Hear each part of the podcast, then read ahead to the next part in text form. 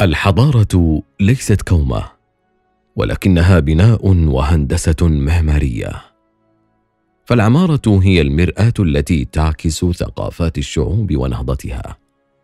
أنا أبو عبد الله محمد ابن موسى الخوارزمي. اكنى بأبي جعفر.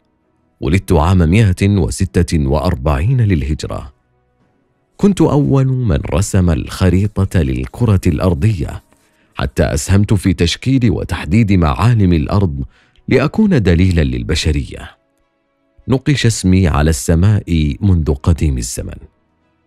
سأخذكم إلى عصر الخوارزميات إلى عصر الدولة العباسية حيث انطلقت مسافرا في الصحراء متاملا النجوم والأفلاك. وتناولت المعادلات الصعبة لإنشاء مساحة لقبة مسجد. ومكعب لبناء حجرة. تأملت الشكل الهندسي للنجوم فتهافتت علي الأفكار. فكان جوهر التخطيط يكمن في إيجاد صيغ عملية وأنا أسهجل المعارك الرياضية بين المعادلات الصعبة وبين الأفلاك السماوية لأسهم في بناء الصورة الدليلية الكاملة. اهتمامي بالمعادلات وحل مسائل الجبر هو الذي جعلني أجاهر بالصواب.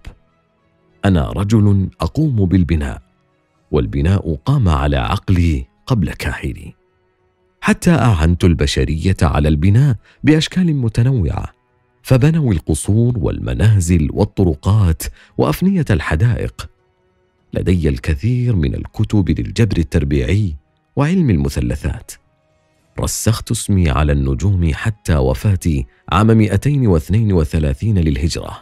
راسما في كل بناء هندسي شامخ قولي المستسلمون لا يصنعون الأبنية والمبتكرون أمثالي هم من تقوى أيديهم للبناء وإن كانت مرتعشة.